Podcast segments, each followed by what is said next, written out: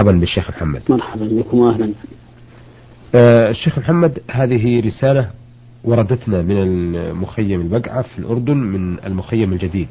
بعث بها عبد الكريم علي أحمد عبد الرحمن. يقول في سؤاله الأول ما حكم الإسلام في القيام للقادم؟ الحمد لله رب العالمين والصلاة والسلام على نبينا محمد وعلى آله وأصحابه أجمعين. القيام للقادم لا بأس به لأنه ثبت عن النبي صلى الله عليه وسلم أن وفد ثقيف لما جاءوا إليه قام عليه الصلاة والسلام وهذا يدل على أنه لا بأس بالقيام للقادم. نعم. ولا سيما إذا كان في تركه مفسدة بحيث يظن القادم أنه لم يكرمه بعدم قيامه لأن الناس قد اعتادوا أنه يكرم المرء إذا قدم بالقيام له وأما القيام إليه فإنه أيضا لا بأس به بحيث يقوم الإنسان ويخطو خطوات مستقبلا للقادم. فقد قال النبي عليه الصلاة والسلام للأنصار قوموا إلى سيدكم. يعني سعد بن معاذ حينما جاء إلى النبي صلى الله عليه وسلم من أجل التحكيم في بني قريظة. نعم. وأما القيام على الرجل القيام عليه فإنه منهي عنه. حتى في الصلاة قال النبي عليه الصلاة والسلام إذا صلى قاعدا فصلوا قعودا لئلا يشبه وقوف المأمومين خلف الإمام صنيع الأعاجم الذين يقومون على ملوكهم. فلا يقام على الرجل. إلا إذا كان في, في ذلك مصلحة للإسلام أو خوفا على من يقام عليه. فإذا كان في ذلك مصلحة للإسلام فلا حرج فيه لأن المغيرة بن شعبة رضي الله عنه كان قائما على رأس النبي صلى الله, صلى الله عليه وسلم في غزوة الحديبية. حينما كانت رسل قريش تأتي إلى الرسول صلى الله عليه وسلم نعم. فكان المغيرة قائما على رأسه بالسيف إجلالا للرسول صلى الله عليه وسلم نعم. وإعزازا للإسلام والمسلمين وإذا كان المقوم عليه يخاف عليه فلا حاجة في ذلك أيضا لوجود السبب المانع من خوف التشبه بالأعاجم ثم إن فيه درءا لمفسدة كبيرة يخشى منها. فهذه ثلاثة أمور وهي القيام للرجل والقيام إليه والقيام عليه.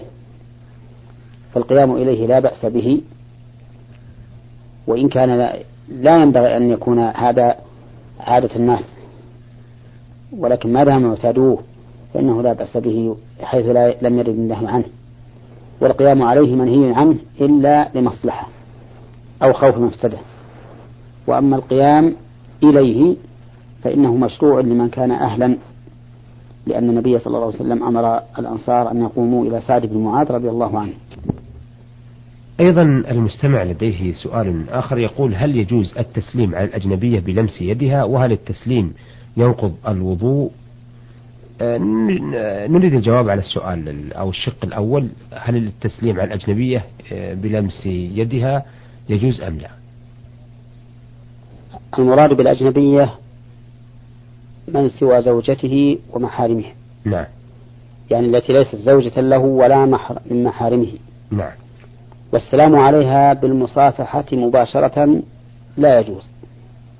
وذلك لأن النظر إليها لا يجوز والمصافحة أشد وأبلغ في إثارة النفس وتعلق والتعلق بها بالملموسة.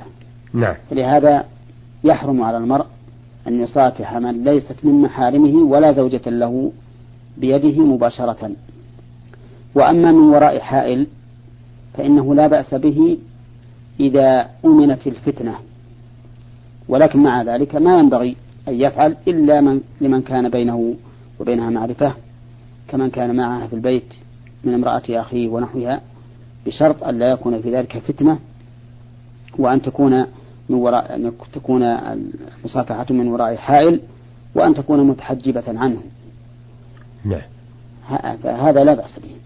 آه يقول أيضا هل التسليم على الأجنبية ينقض الوضوء أم لا؟ التسليم عليها باللسان بالقول لا ينقض الوضوء ولا تأثير له. والتسليم بالمصافحة إذا التزم الإنسان ما شرطناه بأن يكون من وراء حائل لا ينقض الوضوء أيضا. وأما التسليم على الأجنبية مباشرة بدون حائل باليد فإنه محرم ولا يجوز. نعم. ومع ذلك لو فعل فإنه لا ينتقض وضوءه لأن مس المرأة لا ينقض الوضوء. حتى لو مس الرجل امرأته لشهوة أو قبلها لشهوة فإنه لا ينتقض وضوءه بذلك نعم. إلا أن يخرج منه خارج نعم. إن خرج منه خارج وجب أن يفعل ما يقتضيه ذلك الخارج من جن... من غسل إن كان منيا أو من غسل الذكر والأنثيين إن كان مذيا مع الوضوء آه هذا أجبتم عليه. كان عنده هذا السؤال هل مس الزوجة لزوجته أو تقبيلها؟ ينقض الوضوء وقد سمع الإجابة. آه يقول مسلم مسح على خفيه أو على الجوارب ثم نسي بعد ذلك ونزعهما دون أن ينتقض وضوءه. آه دون أن ينتقض وضوءه. فهل عليه غسل رجليه أم الوضوء كاملا؟ إذا مسح الإنسان على خفيه في الوقت المحدد شرعا وهو يوم وليلة للمقيم وثلاثة أيام للمسافر بلياليها فإذا مسح على الخف ثم نزعه بعد المسح عليه فإن طهارته لا تنتقل بل هو باق على طهارته. وذلك لأن نقض الطهارة بخلع الخف يحتاج إلى دليل. وليس في السنة بل ولا في القرآن أيضا ما يدل على أن خلع الخف ينقض الوضوء. فإذا لم يكن هناك دليل على أن خلع الخف ينقض الوضوء فالأصل بقاء الطهارة لأن الطهارة ثبتت بمقتضى دليل شرعي فلا يمكن أن تنتقض إلا بدليل شرعي ولا دليل في المسألة. وما علل به بعض الناس الذين يقولون بأنه إذا خلع ما مسح عليه انتقض وضوءه. ما عللوا به من أن الممسوح عليه قد زال نقول الممسوح عليه كان مسحه فرعا عن غسل الرجل وكان مسحه يعتبر تطهيرا للرجل لأنه قام مقام الغسل نعم. فإذا كان فرعا عن طهارة غسل الرجل فإن الرجل ما زالت باقية والحدث عنها قد ارتفع بمسح الخف الذي كان عليها. وعلى هذا فلا تأثير لخلع الخف. ثم إن هناك قياسا بينا فيما لو مسح الرجل رأسه ثم حلقه بعد مسحه. فإن طهارته لا تنتقض مع أن الشعر الذي كان ممسوحا قد زال ومع نعم. ذلك فإن طهارته لا تنتقض نعم. ولا فرق بين هذا وهذا والقول بأن هذا أي مسح الرأس أصلي ومسح الخفين بدل لا تأثير له في الأمر لأن العلة الموجبة للنقض على قول من يقول به هي أن الممسوح قد زال و وهو حاصل فيما إذا حلق رأسه بعد مسحه. ومع ذلك فإننا لا نقول بانتقاض طهارته فيما إذا حلق رأسه بعد مسحه فكذلك لا, لا نقول بانتقاض طهارته فيما إذا خلع خفه بعد مسحه. لكن إذا كان أن, غسل أن الخف فرع من غسل الرجل.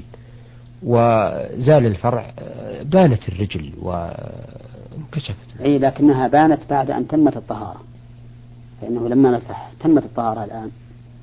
وتمام الطهارة معناه أنه لا يمكن أن يزول هذا التمام إلا بوجود دليل شرعي.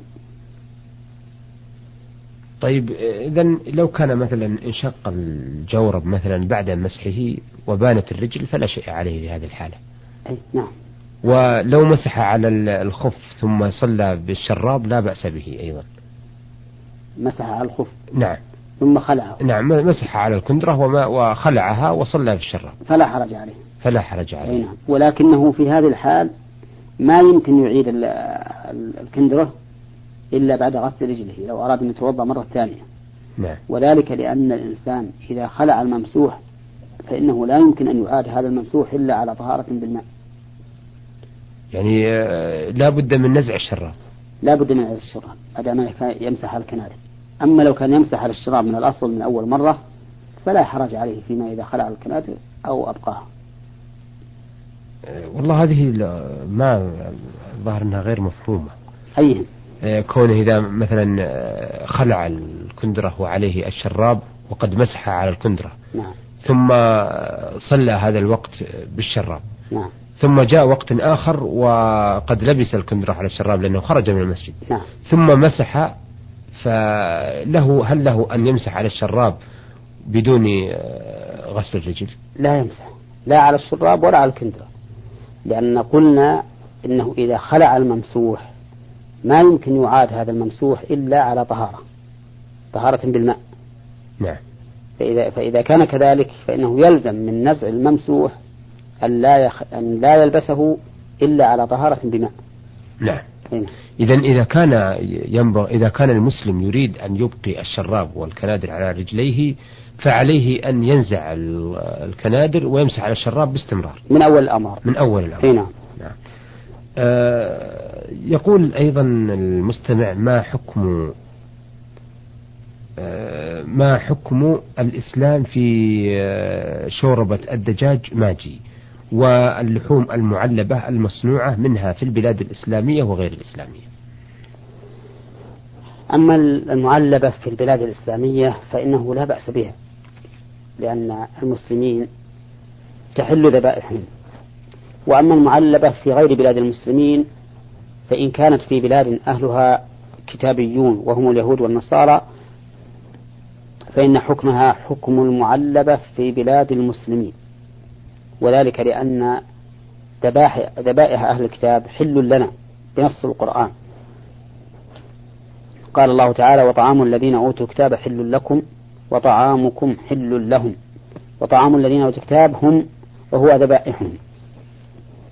وأما إن كانت هذه المعلبة جاءت من بلاد ليس أهلها كتابيين ولم يتبين لنا أن الذي ذبحها كتابي أو مسلم فإن الأصل التحريم نعم. فلا تؤكل وأما الماجي فأنا أكره أن آكل منه لأن الماجي ليس فيه التزام لمن صنعه أنه مذبوح على الطريقة الإسلامية بخلاف الأشياء التي تأتي مكتوبا عليها الالتزام بهذا الشيء. نعم. وليس لنا إلا الظاهر. فما وجدنا مكتوبا عليه مذبوح الطريقة الإسلامية فإننا نحكم به. وما لم نجد ذلك فإننا نخشى أن يكون على غير الطريقة الإسلامية حيث لم يلتزم من عبأه بهذا. ومع هذا فإن الأصل فيها الحل أيضا. إذا جاءت من بلاد أهل الكتاب. شكرا أثابكم الله. أيها المستمعون الكرام إلى هنا نأتي إلى نهاية لقائنا هذا الذي عرضنا فيه رسالة عبد الكريم علي أحمد عبد الرحمن من الأردن آه، مخيم البقعة في ويسأل عن القيام للشخص الآخر ومصافحة الأجنبية والمسح على الخفين آه شكرا للشيخ محمد بن صالح العثيمين الأستاذ بجامعة الإمام محمد بن سعود الإسلامية في القصيم وإمام الجامع الكبير بمدينة عنيزة وشكرا لكم أيها السادة وإلى أن نلتقي بحضراتكم إن شاء الله. نستودعكم الله والسلام عليكم ورحمة الله وبركاته. نور على الدرب.